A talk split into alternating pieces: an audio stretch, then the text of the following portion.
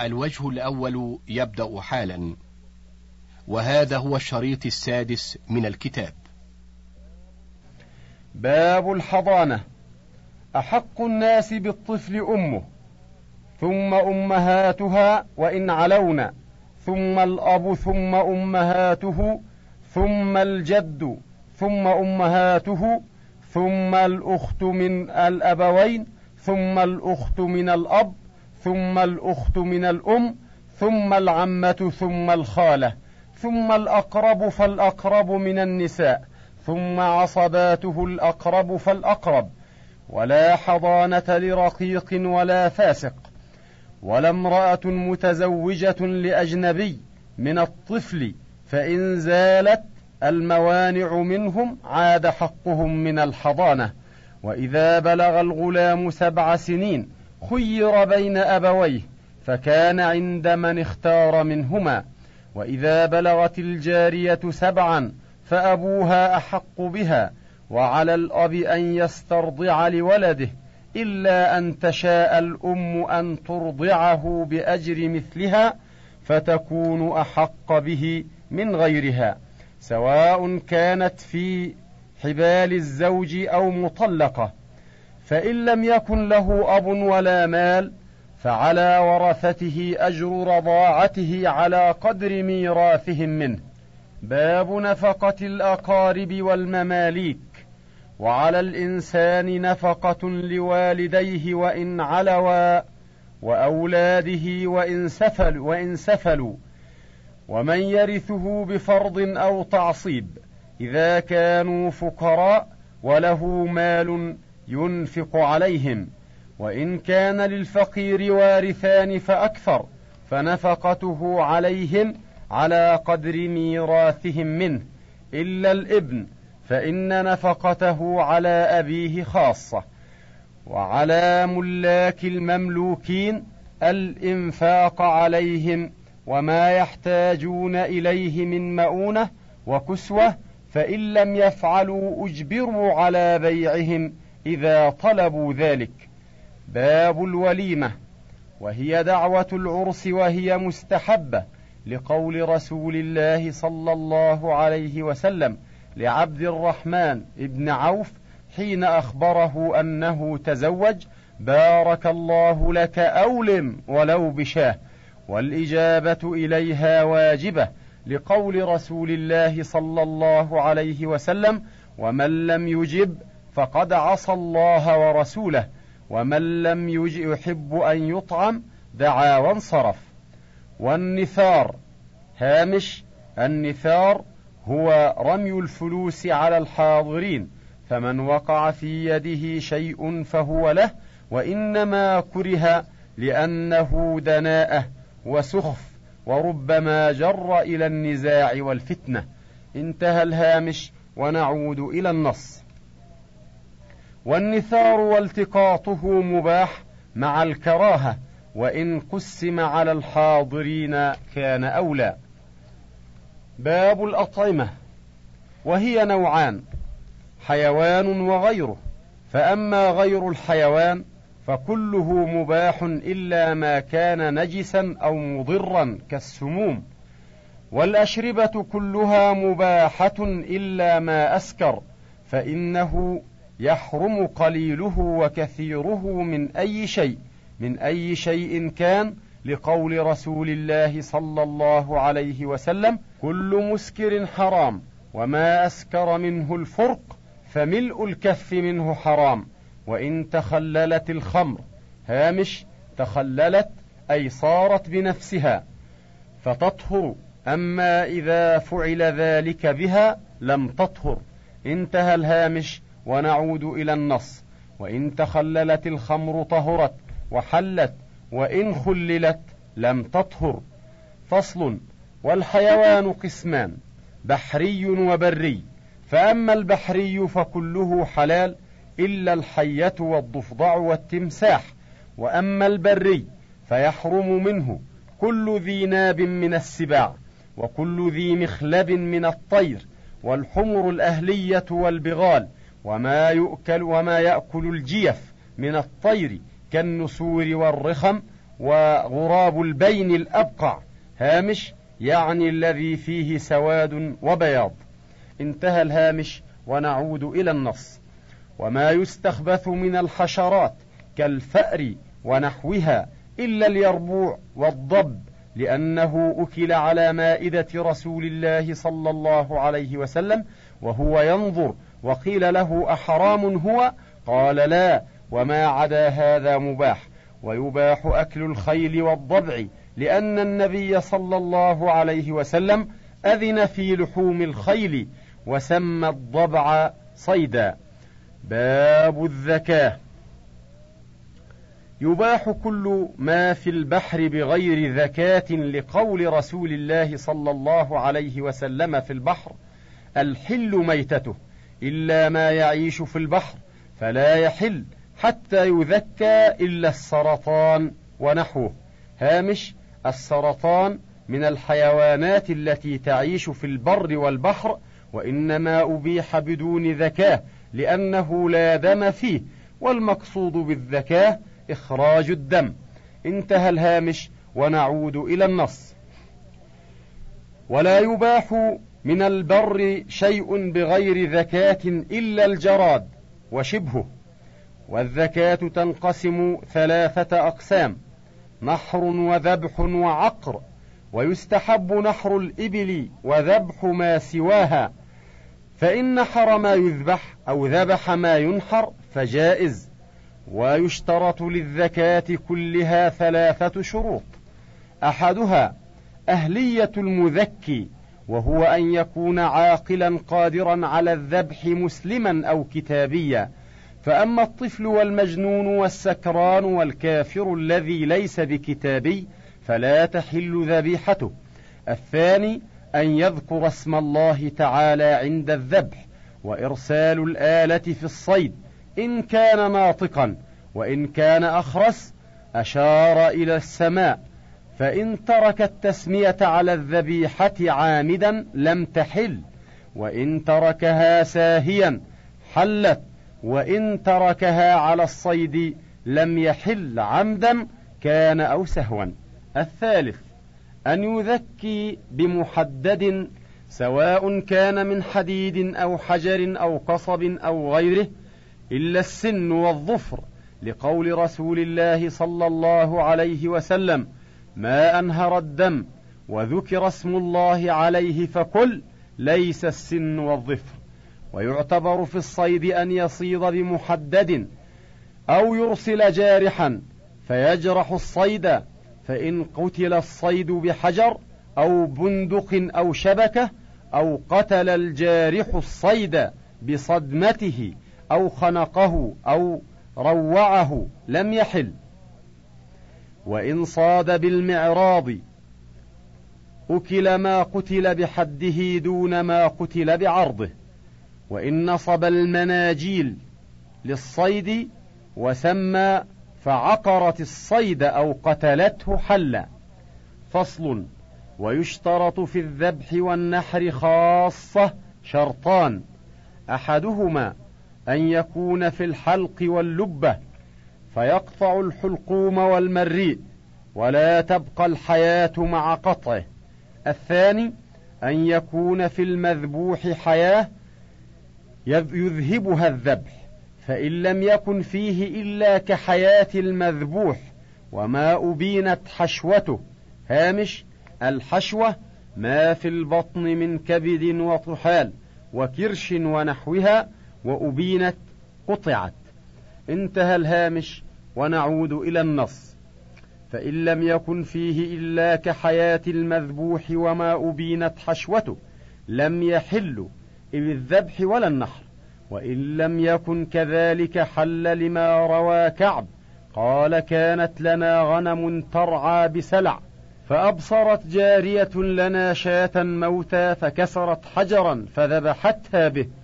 فسئل رسول الله صلى الله عليه وسلم عن ذلك فأمر بأكلها. وأما العقر فهو القتل بجرح في غير الحلق واللبة ويشرع في كل حيوان معجوز عنه من الصيد والأنعام لما روى أبو رافع أن بعيرا ند فأعياهم فأهوى إليه رجل بسهم فحبسه. فقال رسول الله صلى الله عليه وسلم إن هذه البهائم أوابد كأوابد الوحش. فما غلبكم منها فاصنعوا به هكذا. ولو تردى بعير في بئر فتعذر نحره فجرح في أي موضع من جسده فمات به. أحل أكله. كتاب الصيد. كل ما أمكن ذبحه من الصيد لم يبح إلا بذبحه وما تعذر ذبحه فمات بعقره حل بشروط ستة ذكرنا منها ثلاثا في الذكاه والرابع أن يكون الجارح الصائد معلما وهو ما يسترسل إذا أرسل ويجيب إذا دعي. ويعتبر في الكلب والفهد خاصة أنه إذا أمسك لم يأكل ولا يعتبر ذلك في الطائر. الثاني أن يرسل الصائد الآلة فإن استرسل الكلب بنفسه لم يبح صيده.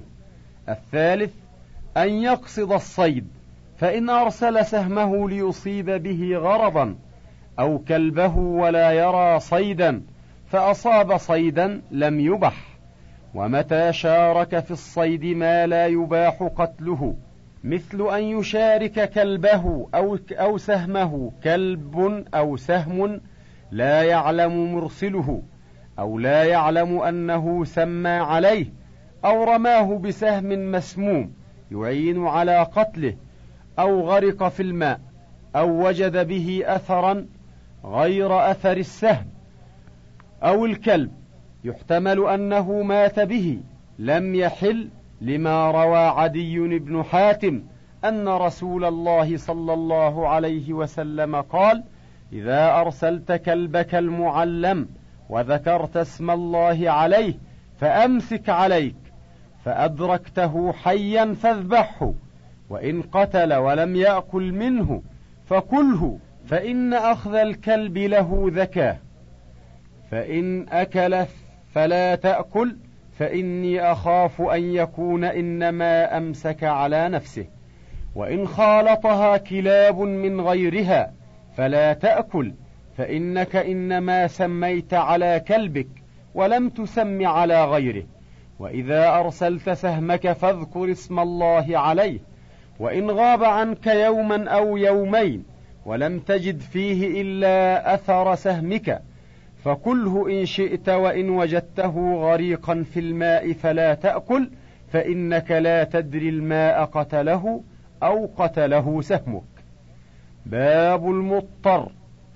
ومن اضطر في مخمصة فلم يجد إلا محرما فله أن يأكل منه ما يسد رمقه. وإن وجد متفقا على تحريمه ومختلفا فيه أكل من المختلف فيه فإن لم يجد إلا طعاما لغيره به مثل ضرورته لم يبح له أخذه. وإن كان مستغنيا عنه أخذه منه بثمنه فإن منعه منه أخذه قهرا وضمنه له متى قدر. فإن قتل المضطر فهو شهيد وعلى قاتله ضمانه. وإن قتل المانع فلا ضمان فيه ولا يباح التداوي بمحرم ولا شرب الخمر لمن عطش ويباح دفع الغصة بها إذا لم يجد مائعا غيرها. باب النذر من نذر طاعة لزمه فعلها لقول رسول الله صلى الله عليه وسلم من نذر أن يطيع الله فليطعه. فإن كان لا يطيقها كشيخ نذر صياما لا يطيقه فعليه كفارة يمين لقول رسول الله صلى الله عليه وسلم من نذر نذرا لا يطيقه فكفارته كفارة يمين ومن نذر المشي إلى بيت الله الحرام لم يجز المشي إلا في حج أو عمرة فإن عجز عن المشي ركب وإن نذر صوما متتابعا فعجز عن التتابع صام متفرقا وكفر. هامش يعني كفارة يمين. انتهى الهامش ونعود إلى إلى النص. وإن ترك التتابع لعذر في أثنائه خير بين استئنافه وبين البناء والتكفير. وإن تركه لغير عذر وجب استئنافه وإن نذر معينا فأفطر في بعضه. أتمه وقضى وكفر بكل حال. وإن نذر رقبة فهي التي تجزئ عن الواجب إلا أن ينوي رقبة بعينها. ولا نذر في معصية ولا مباح فيما لا يملك ابن آدم ولا فيما قصد به اليمين لقول رسول الله صلى الله عليه وسلم. لا نذر في معصية الله ولا فيما لا يملك ابن آدم. وقال لا نذر إلا فيما ابتغي به وجه الله سبحانه. وإن جمع في النذر بين الطاعة وغيرها فعليه الوفاء بالطاعة وحدها لما روى ابن عباس قال أبصر رسول الله صلى الله عليه وسلم رجلا قائما فسأل عنه فقالوا أبو إسرائيل. نذر أن يقوم في الشمس ولا يقعد ولا يستظل ولا يتكلم ويصوم.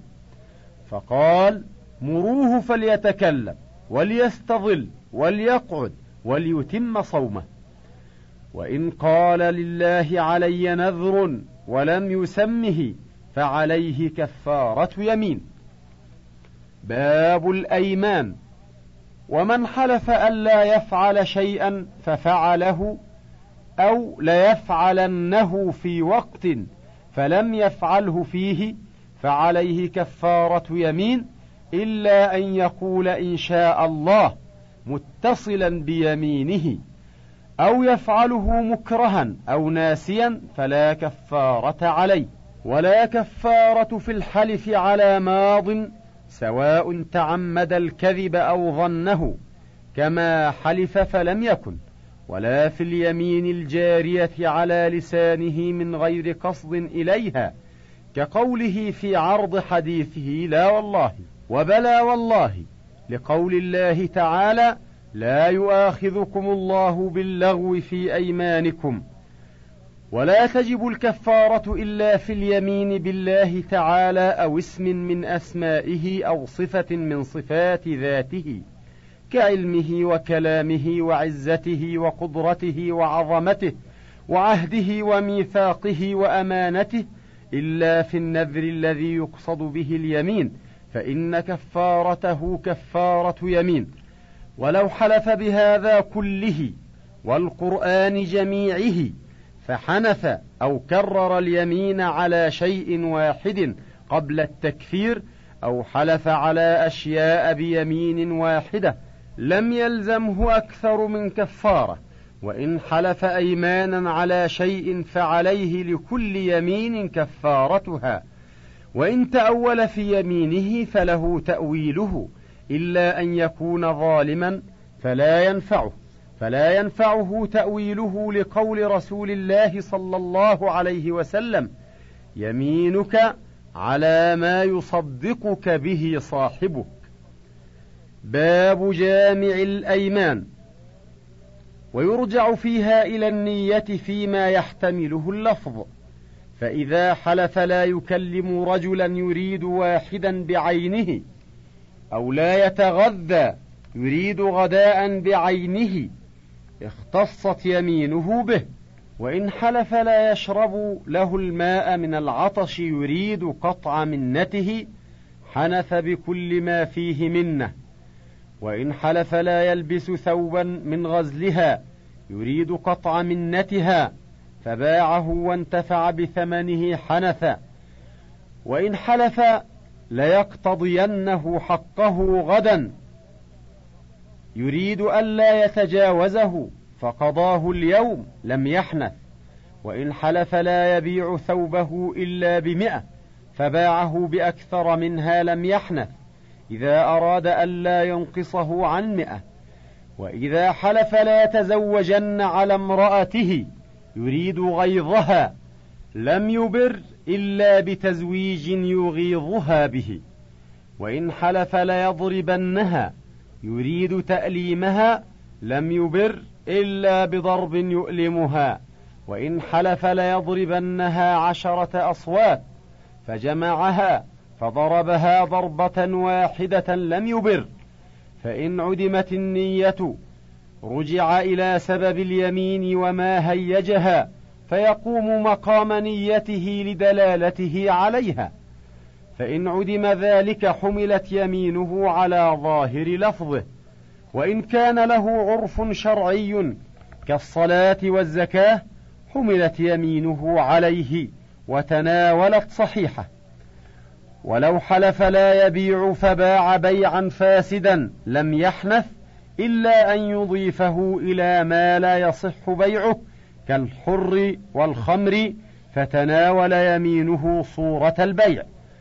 وإن لم يكن له عرف شرعي وكان له عرف في العادة كالراوية والضعينة حملت يمينه عليه فلو حلف لا يركب دابة فيمينه على الخيل والبغال والحمير وإذا حلف لا يشم الريحان فيمينه على الفارسي وإن حلف لا يأكل شواء حنث بأكل اللحم المشوي دون غيره وإن حلف لا يطأ امرأته حنث بجماعها وإن حلف, وإن حلف لا يطأ دارا حنث بدخولها كيفما كان وإن حلف لا يأكل لحما ولا رأسا ولا بيضا فيمينه على كل لحم ورأس كل حيوان وبيضه.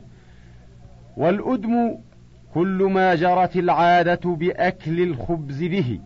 من مائع وجامد كاللحم والبيض والملح والجبن والزيتون وإن حلف لا يسكن دارا تناول ما سمي سكنا فإن كان ساكنا بها فأقام بعد ما أمكنه الخروج منها حنث وإن أقام لنقل قماشه أو كان ليلا فأقام حتى يصبح أو خاف على نفسه فأقام حتى أمن. لا يحنث. باب كفارة اليمين. وكفارتها إطعام عشرة مساكين. من أوسط ما تطعمون أهليكم أو كسوتهم أو تحرير رقبة. فمن لم يجد فصيام ثلاثة أيام. وهو مخير بين تقديم الكفارة على الحنث. أو تأخيرها عن عنه لقول رسول الله صلى الله عليه وسلم من حلف على يمين فرأى غيرها خيرا منها فليكفر عن يمينه وليأتي الذي هو خير. وروي فليأتي الذي هو خير وليكفر عن يمينه ويجزئه في الكسوة ما تجوز الصلاة فيه للرجل للرجل ثوب وللمرأة درع وخمار ويجزئه أن يطعم خمسة مساكين ويكسو خمسة. ولو أعتق نصف رقبة أطعم خمسة أو كساهم أو أعتق نصف عبدين لم يجزه ولا يكفر ولا يكفر العبد إلا بالصيام. ويكفر بالصيام من لم يجد ما يكفر به فاضلا عن مؤونته ومؤونة عياله وقضاء دينه. ولا يلزمه أن يبيع في ذلك شيئا يحتاج إليه من مسكن وخادم وأثاث وكتب وآنية وبضاعة يختل ربحها المحتاج إليه ومن أيسر بعد شروعه في الصوم لم يلزمه الانتقال عنه ومن لم يجد إلا مسكينا واحدا ردد عليه عشرة أيام.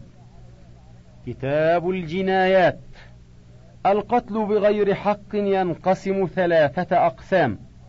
أحدها العمد وهو أن يقتله بجرح أو فعل يغلب على الظن أنه يقتله كضربه بمثقل كبير أو تكريره بصغير أو إلقائه من شاهق أو خنقه أو تحريقه أو تغريقه أو سقيه ثم أو الشهادة عليه زورا بما يوجب قتله أو الحكم عليه به أو نحو ذلك قاصدا عالما بكون المقتول آدميا معصوما فهذا يخير الوالي فيه بين القود والدية لقول رسول الله صلى الله عليه وسلم من قتل له قتيل فهو بخير النظرين.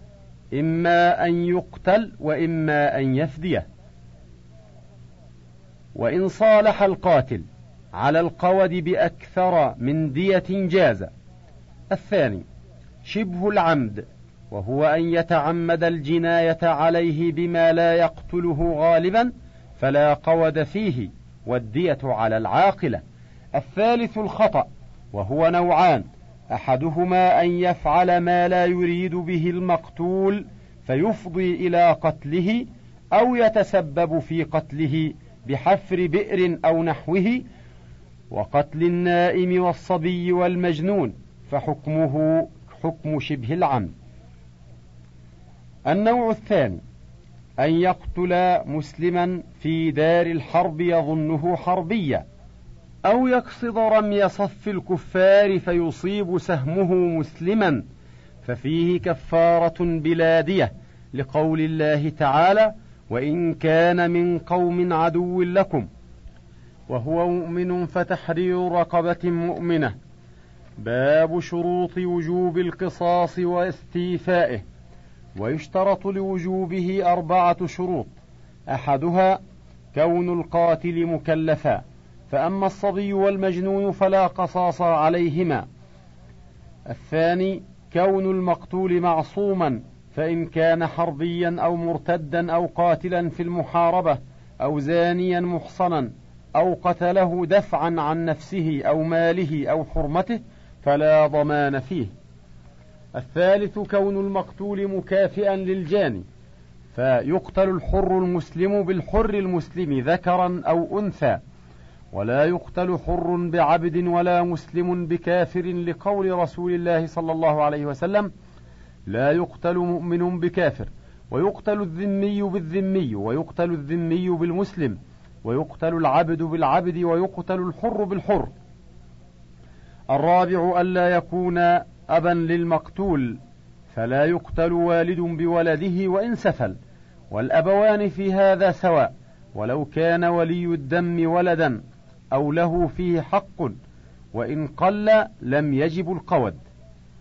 فصل ويشترط لجواز استيفائه شروط ثلاثة أحدها أن يكون لمكلف فإن كان لغيره أو له فيه حق وإن قل لم يجز استيفاؤه. وإن استوفى غير المكلف حقه بنفسه أجزأ ذلك. الثاني اتفاق جميع المستحقين على استيفائه فإن لم يأذن فيه بعضهم أو كان فيهم غائب لم يجز استيفاؤه فإن استوفاه بعضهم فلا قصاص عليه وعليه بقية ديته له ولشركائه حقهم في تركة الجان. ويستحق القصاص كل من يرث المال على قدر مواريثهم. الثالث الأمن من التعدي في الاستيفاء. فلو كان الجاني حاملا لم يجز استيفاء القصاص منه في نفس ولا جرح ولا استيفاء حد منها حتى تضع ولدها ويستغني عنها. انتهى الوجه الأول.